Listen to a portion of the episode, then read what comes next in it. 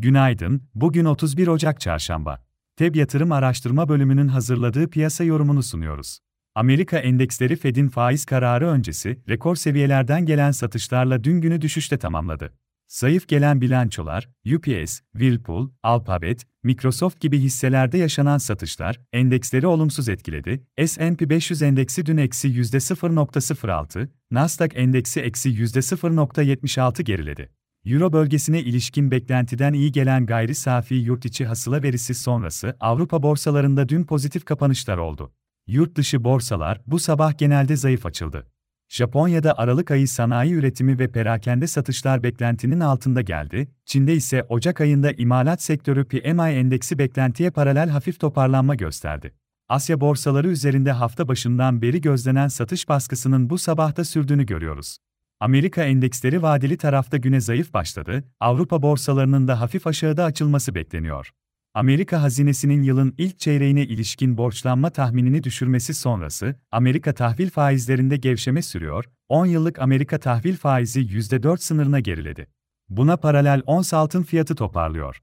Global piyasaların odağında bugün Fed'in faiz kararı ve sonrasında Fed Başkanı Powell'ın düzenleyeceği basın toplantısı olacak. Faiz kararı Türkiye saatiyle 22.00'de açıklanacak. Basın toplantısı Türkiye saatiyle 22.30'da bulunuyor. Fed'in bugünkü toplantısında faizi sabit tutması bekleniyor.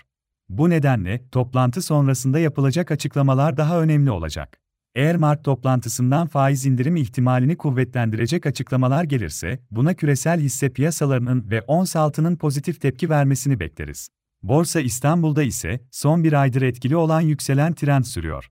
İST endeksi dün günü %0.03 hafif yükselişle Türk lirası, bazı tarihi zirve seviyesine yakın 8474 seviyesinde tamamladı.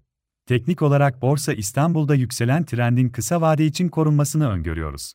Endeksin ilk etapta yeni bir zirveyle 8600 seviyelerini test etmesi beklenebilir. Günlük bazda direnç olarak 8560 ve 8600 seviyeleri önemli olacak, destek olarak 8410 ve 8340 seviyeleri izlenebilir. Hisse tarafında ise teknik olarak Ford Otosan'da orta vadeli göstergelerde kuvvetlenme sürüyor, yükselen trend ara düzeltmelerle devam edebilir. Türksel'de göstergeler olumlu tarafta, düzeltme tamamlandıktan sonra hissenin yeniden yükselen trend içine dönmesi beklenebilir. Hisse olarak endekste yükselen hareket içinde teknik olarak kısa vadeli alım yönünde ayrıca Aksigorta, Doğan Holding, Galata Wind, Göltaş Çimento, Kalekim, Migros, Torunlar Gayrimenkul, Yapı Kredi Bankası hisseleri takip edilebilir. Piyasaları değerlendirmeye devam edeceğiz. FEB yatırım olarak herkese iyi bir gün dileriz.